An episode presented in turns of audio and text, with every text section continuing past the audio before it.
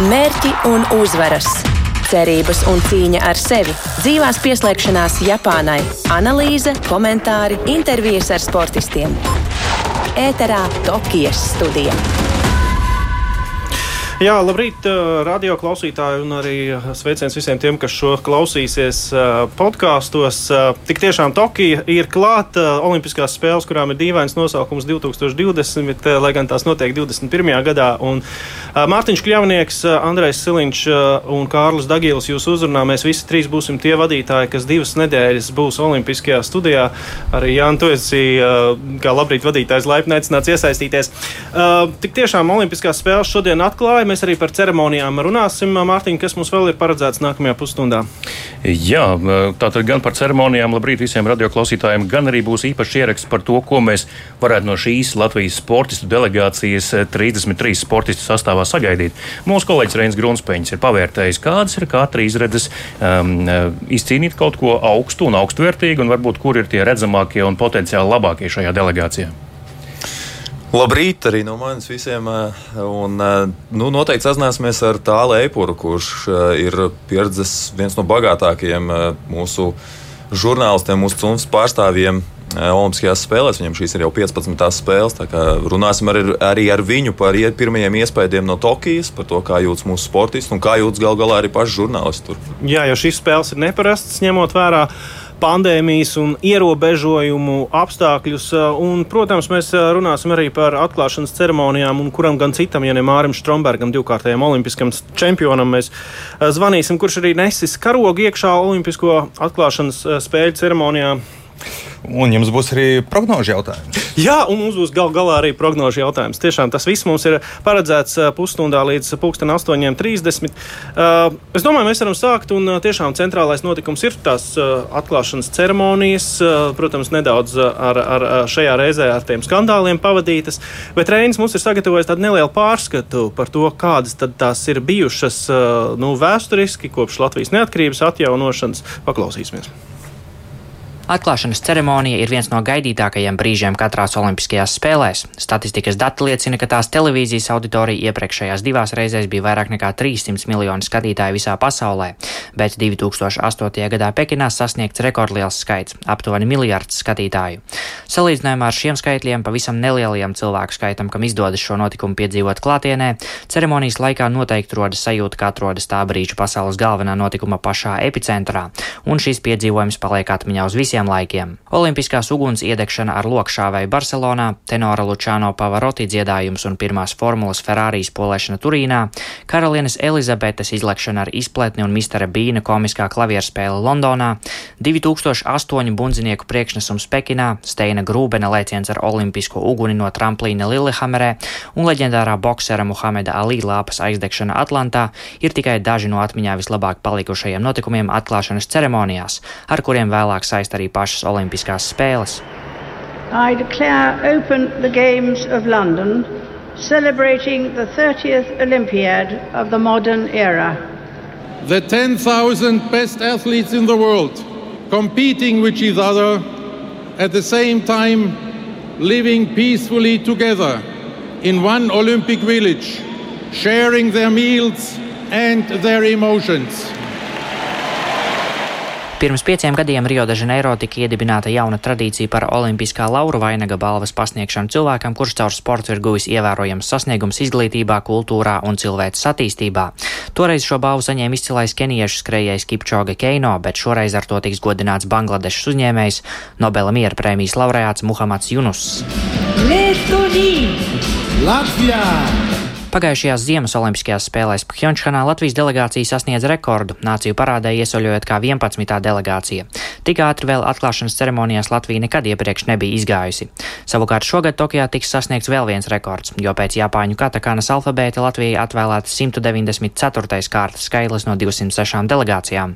Tik ilgi Latvijas delegācijas iznāciens Latvijas sporta faniem vēl nav bijis jāgaida. Liels jautājums, kā jau pirms katrām olimpiskajām spēlēm, ir par to, kurš tad iedegs olimpisko lāpu, taču šajā sakarā ļoti nozīmīgi ir atgādināt visiem klausītājiem par 1964. gada Tokijas Olimpisko spēļu atklāšanas ceremoniju un to, kurš šo uguni nesa toreiz. Tokija. Olimpisko uguni nes Japāņu students kurš dzimis 1945. gada 6. augustā. Visa cilvēce atceras šo baigo datumu, bet Japāņos tas iededzināts uz mūžu mūžiem.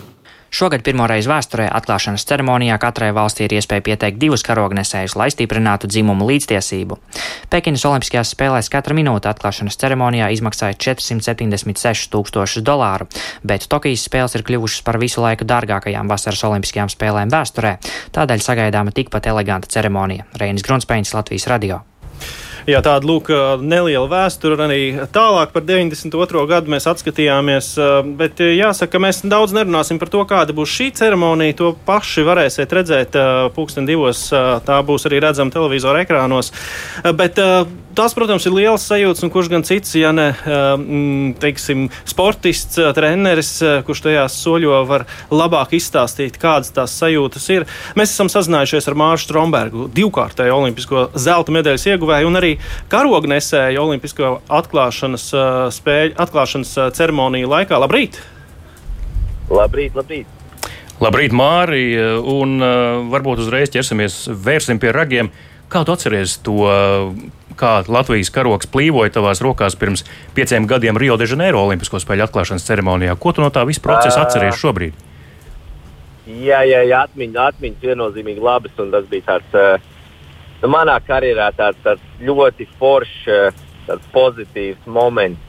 Kā saku, ejot uz tām karjeras beigām, jā. Un, un, un es dziļi, kā es saku, dziļi sirdī jau zināju, ka droši vien tas būs beidzamās Olimpiskās spēles. Tas bija tāds nu, liels gods un, un, un, un tāds baigs foršs sajūta, tomēr nesot, nesot karogu Olimpiskajās spēlēs, jā. Un noslēgt to savu olimpisko ciklu ar atklāšanas, uh, nu, ar Latvijas karogu nešanu atklāšanas parādē. Tā kā bija ļoti forši. Saka jau, ka sportistam ir jānobriest, lai eh, spētu pilnvērtīgi arī psiholoģisko šo nastu izturēt, kas ir karognesējam. Eh, tu biji pietiekami pieredzējis savā karjerā un jau daudz izcīnījis, lai tevi tas nekādīgi nenovestu no ceļa, domājot par saviem sportiskajiem startiem. Jā, nu, nu, tā jau tā ir jau tādas, tādas runas, ka eh, tas, kas nes karogu, tad tiem īsti olimpiādē neveicās. Jā, jā, jā. Tāda, tā, tāda, tā, tādas runas iet. Bet, uh, nu, manā gadījumā bija tā, ka, kā jau teicu, tā, ka, nu, zināju, ka droši vien būs beidzamās Olimpiskās spēles. Tad, uh, Es biju gatavs uzņemties to risku, un, un, un es negribētu sasaistīt Latvijas karoga nešanu Olimpijādē ar uh, neveiksmīgu rezultātu. Man liekas, to, to vajadzētu, nevajadzētu mums mēģināt latviešiem un cilvēkiem mēģināt kaut kā sapīt kopā. Jā. Un, uh, Bet, nu, protams, bija brīva. Bija tā, ka mēs, nu, manā gadījumā mēs lidojām uz, uz Brazīliju, nonesām karogu un pēc tam lidojām atpakaļ uz Floridu nākošā rītā. Un turpinājām trenēties, un tad pirms mačiem lidojām atkal atpakaļ uz Brazīlijā. Bet mm. nu, tur tas klimats līdzīgs, un tas lidojums nebija tik tāls. Kā, nu, manā gadījumā tas nebija nekas tik traks, bet eh, tā karoga nešana bija, bija labas atmiņas, viennozīmīgi labas atmiņas. Un eh, sarunas pašā noslēgumā, Māri, eh, ko tu domā par jaunieviesto tradīciju, ka nevis vienam šī atbildība tagad ir jāuzņemās, bet, piemēram, šodien Agnes Čavars un Aļona Stapenko šo atbildību dalīs uz pusēm. Būs divi karognesēji pirmo reizi Olimpisko spēļu vēsturē. Uh, interesanti. Tur nu, grūti, nu, nu, tā kā Īslands tā, tā jau arī darīja. Nu, pa lielam jau, nu, nu, es pat nezinu, ko īsti pateikt. Ir jau forši, jā, nu, ir viena sieviete, viena vien vīrieša, kā saka, pār, nu, tā sporta pārstāvja, nu, un, un ab, abi nes to karogu kādā laika posmā. Kā, kā tas notiks, un tad jau nu, man jau arī pašam jā, saka, jānoskatās atklāšana, lai saprastu, kā tagad būs pa jaunam. Bet uh, forši, forši, jā. kā izlems tā, nu, nu atklāšana ir atklāšana. Tā kā, nu, forši, forši. Paldies! Mārcis Strombergs, divkārtējais uh, olimpiskais čempions. Viņš zelta izcīnīja 2008. gadā Pekinā un 2012. gadā Londonā. Paldies, Mārcis, par šo sarunu un gaidām šodienas atklāšanas ceremoniju, kurā Latvijas karognesīs Agnis Čavars un Aļono Stapenko. Jā, paldies. Un, uh, par atklāšanas ceremoniju mums uh, šajos um, Olimpiskajos uh, Tokijas studijas raidlaikos būs iespēja arī uh, klausītājiem iesaistīties. Pēcpusdienās varbūt kādreiz ar brīvo mikrofonu, ja, bet no rīta mēs katru rītu uzdosim vienu prognožu jautājumu. Andrej, kāds, kāds tu, tu atceries, ko mēs vakar norunājām, kas būs mūsu uh, šīs dienas uh, prognožu jautājums? Andrej, saka jā, saka jā. jā, jā, jā, noteikti atceros. Uh, nu, jā, pajautāsim varbūt nedaudz. Uh, nedaudz ar matemātikas ievirzienu jautājumu par to, kā tad, kā tad mūsu valsts tiek atspoguļot televīzijas pārēdē, jo skaidrs, ka televīzijā šo pasākumu skatās nu, ļoti daudz cilvēku, noteikti arī tie, kuriem varbūt sports nav līdz galam tā viņu stihija, viņi to atklāšanas ceremoniju jebkurā gadījumā mēdz paskatīties. Un, Bet galvenokārt jau gaida to Latvijas iznācienu. Un tad gaida tās savas valsts, mūsu gadījumā Latvijas iznācienu, protams. Un tad nu, skaidrs, ka mums ir jāpajautā arī to, cik ilgi, cik ilgi mūsu valsti parādīs televīzijā. Es šeit parasti Prognožu jautājums. Jā, nu, un es druskuļi veicu arī tādu mazu nezinātnisku, bet nelielu pētījumu, paskatījos, kādas ir bijušas šīs parādis iepriekš, atklāšanas parādis iepriekšējos gados. Un, jāsaka tā, ka papētīju 20. gadsimtu un, piemēram, Albervilā pirmajās spēlēs tā bija, tās bija ziemas spēles, kurā Latvija vispār piedalījās 20 sekundes. Latvijā šeit esošie varēja vērot, cik nu, stālti vai, vai iznesīgi tiek um, Latvijas karoks ienests Olimpiskajā stadionā. Un līdzīgi arī bijuši ir tātad citus gadus, bet uh, jums, protams, ir jāprognozē, kā būs šogad, šodien. Jā, un Twitterī tas ir Latvijas radio ziņu kontā LR ziņas jāmeklē arī atbildžu varianti. Tad mazāk par 20 sekundēm, no 20 līdz 40 sekundēm, 40 sekundes līdz 1 minūte, kas būtu ļoti jau daudz, un vairāk par 1 minūti, kas būtu principā kosmos, jo mēs zinām, cik dārgs ir arī televīzijas. Varbūt šogad tās distances būs gana lielas, un kamēr tās dele, mūsu delegācija arī iztīsies. Mēs neskaitām, Varbūt arī televīzijas raidlaikā jāievēro ir nu, distancēšanās, un tur arī būs lielāks. Skaitās arī, ja stūrītī redz kaut kur tur. Nē, tas neskaidrs. Tikai fokus. Tikai, tikai fokus uz, uh, uz, uz Latvijas komandu. Un vēl jau interesanti noteikti šajās visās atklāšanas ceremonijās, ar kādos tērpos tad iznāk valstis. Un, uh, un kā mūsu tērpi, mūsu delegācijas ietērps izskatās uz pārējo valstu fonu. Jā, tad meklējiet Twitterī, at uh, LR zinas šo prognožu jautājumu arī pēcpusdienā 17.30, kad skanēsim, apkoposim atbildes un, protams, būsim aprēķinājuši, cik ilgi arī būs rādīts. Uh, nu, šis tiešām ir tāds neparasts spēles, ne tikai atklāšanas ceremonija droši vien izskatīsies neparastāk, bet arī tas, kā tās tika organizētas, tās tika pārceltas. Mm, Rihards Plūma ir ieskatījies uh, šo spēļu organizēšanas uh, vēsturē un arī pieskāries nu, tādām uh, ne tikai pandēmijas lietām, bet arī skandāliem, kas tās ir apvijušas. International Olympic Committee has the honor of announcing that the games of the 32nd Olympiad in 2020 are awarded to the city of Tokyo. 2013. gada 8. septembris Tokija kļūst par pirmo Āzijas pilsētu, kas divas reizes iegūst tiesības rīkot vasaras Olimpiskās spēles. Jāatceras arī tas, ka tā iespējams būtu pat trešā reize, tomēr 1940. gada Tokijā ieplānotās spēles tika atceltas Otrā pasaules kara dēļ. Tiesības rīkot 2020. gada spēles deva valstī tik nepieciešamo stimulu laikā, kad Japānas iedzīvotāju noskaņojums par valsts nākotni un ekonomisko stāvokli pēc gadu desmitiem ilgas deflācijas un pirms dažiem gadiem notikušās postošās zemestrīces un tsunami dēļ bija pesimistisks. Ar lepnumu un pārliecību par saviem spēkiem sākās gatavošanās vērienīgajam sporta notikumam.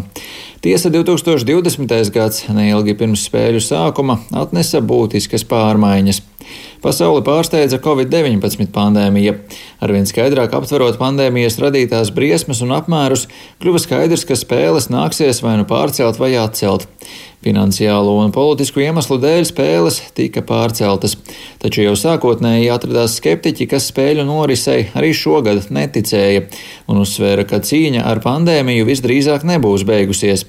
Atšķirībā no 1964. gada Tokijas spēlēm, kad visi to norisi atbalstīja un saredzēja tajās iespēju parādīt savu valsti kā spēcīgu un modernu, šoreiz bija citādāk. Sabiedrības vairākums šoreiz bija par spēļu tālāku pārcelšanu vai atcelšanu, lai gan amatpersonas cilvēku uzticību solīja izcīnīt. Tas gan neizdevās. Gatavošanos pārceltajām Olimpiskajām spēlēm pavadīja ar vien lielāka cilvēku, tajā skaitā veselības amatpersonu un tautā zināmu cilvēku skepse un pretestība. Arī protesti.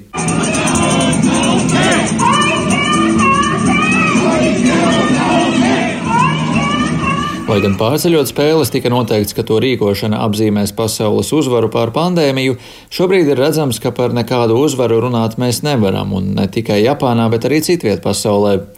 Cilvēku bažas par to, ka spēles pasliktinās sabiedrības veselības situāciju Japānā, pandēmijai dos jaunu grūdienu vai pat izraisīs jaunu vīrusa pabeidu, joprojām ir klātesošas un draudus apzinās arī amatpersonas. Ceļš līdz olimpiādē nebūtu nav bijis gluds arī tādēļ, ka savus amatus atstājusi neviena ar spēlēm saistīta amatpersona. 2019. gadā no amata korupcijas skandāla dēļ atkāpās Japānas Olimpiskās komitejas prezidents. Savukārt vienu dienu pirms atklāšanas ceremonijas tika atlaists tās režisors. Tas notika antisemītisku joku dēļ, kas izteikti vēl 90. gados. Bet vien dažas dienas iepriekš ceremonijas sagatavošanas komandu bija spiests pamest komponists, jo atklājies, ka skolas gados viņš ņirgājies par klases biedriem invalīdiem. Martā atlūgumu pēc joka par pazīstamu aktrisi un komiķi iesniedza radošais direktors, bet februārī amatu zaudēja orgu komitejas priekšsēdētājs Jusīro Morī, kas izteicās, ka sievietes pārlieku daudz runājot un ka sanāksmes viņu dēļ ieilgstot. Rihards Plūme, Latvijas radio. Jā, tik tiešām neparastas uh, ir šīs uh, spēles, uh, un neparasti droši vien ir arī sportistiem un žurnālistiem. Spēles būtībā jau ir sākušās, gan sportisti, gan žurnālisti ir uz vietas, un nu, droši vien mūsu korespondents tāls, ar kuru esam arī sazinājušies, labrīt vai arī labvakar tāli tev Japānā. Sveiks, tāli!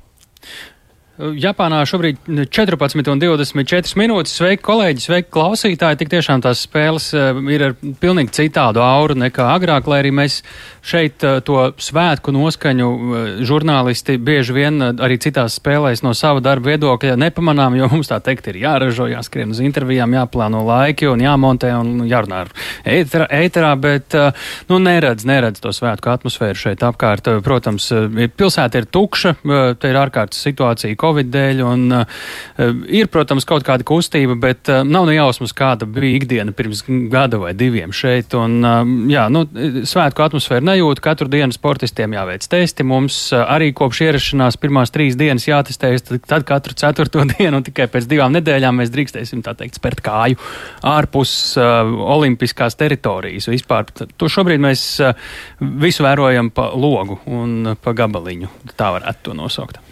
Tālin, nu, bet kā tu pats jūties šajā visā situācijā? Jo tu esi bijis 14 Olimpiskajās spēlēs, un šīs ir tavs 15. droši vien pieredzes bagātāku. Nu, tie cipari mainās, Andrej. Nu, nav ne 14, nav 15, 8. Kāds kaut kādam kaut kur ir, sap... varbūt ar manu kolēģi Māru Bergu, kāds ir saskaitījis kopā, viņam gan arī ir tikai pirmās. Bet kā ir ar to iekļūšanu, aizbraukšanu, iekļūšanu, piekļūšanu sportistiem?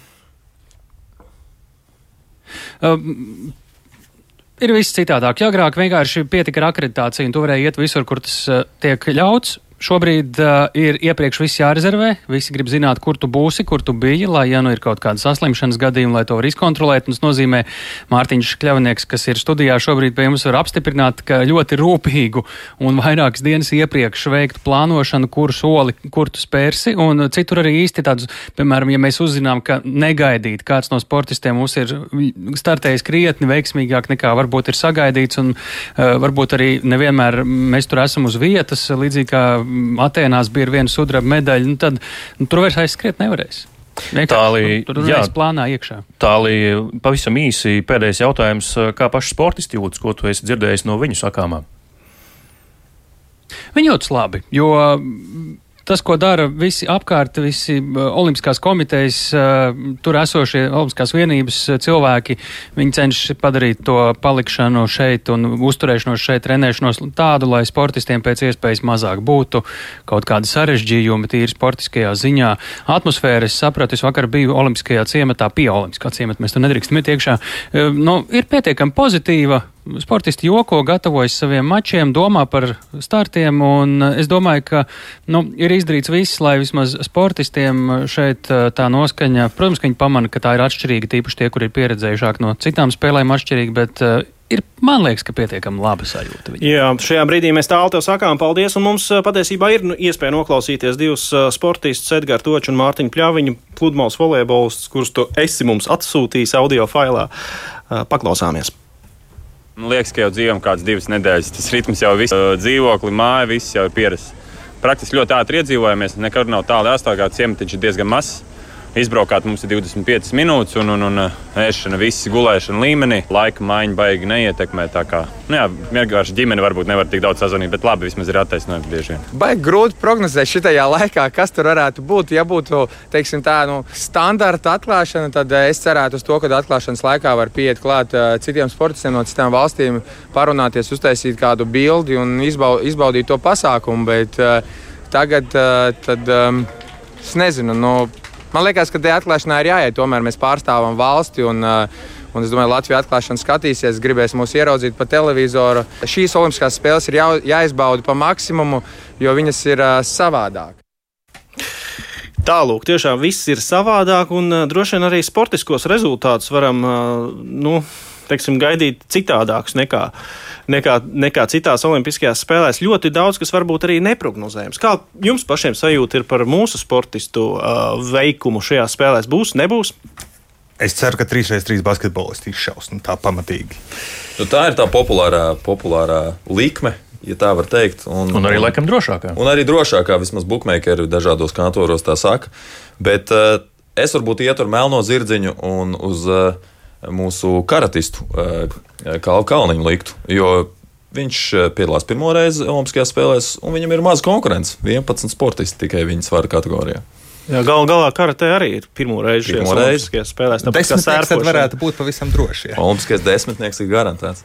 Ja mums tur saskaita debitantus, kas ir 24, un ja visi virzītos pēc šādas formulas, kā Kauls Kalniņš to varētu darīt, tad eh, nu, mums būtu jābūt 24 medaļām. Tas, protams, ir visoptimistiskākās prognozes, bet eh, es arī ceru, ka 3 pret 3 basketbola komanda, kā Jānis teica, izšaus un arī kaut ko spožu pārdīs mājās. Šorīt, starp citu, pēc Latvijas laika viņiem bija arī treniņš zālē. Viņi spēlēja tā saucamo izsišanu ar serbiem. Tātad divi galvenie favorīti savā starpā trenējās, un eh, kas to zina, kā tas var nonākt arī līdz fināla dienai varbūt tas pats notiks arī tad. Pirmā Tokijas studija mums ir jānoslēdz šeit ēterā. Andrejs Siliņš, Mārtiņš Kļavnieks, Kārlis Dagils. Būs arī pēcpusdienā 17.30. Atceramies pulksten divos atklāšanas ceremoniju centrālais notikums šodien. LR ziņas Twitter kontā ir Twitter prognožu jautājums par to, cik ilgi mūs rādīs. Un gal galā mēs būsim dzirdami ne tikai ēterā, bet arī podkāstos. Arī podkāstos visās populārākajās straumēšanas platformās meklētājos rakstiet Tokijas studiju 2020 un tiksiet gan gan pie mūsu studijām, gan pilnām intervijām ar sportistiem.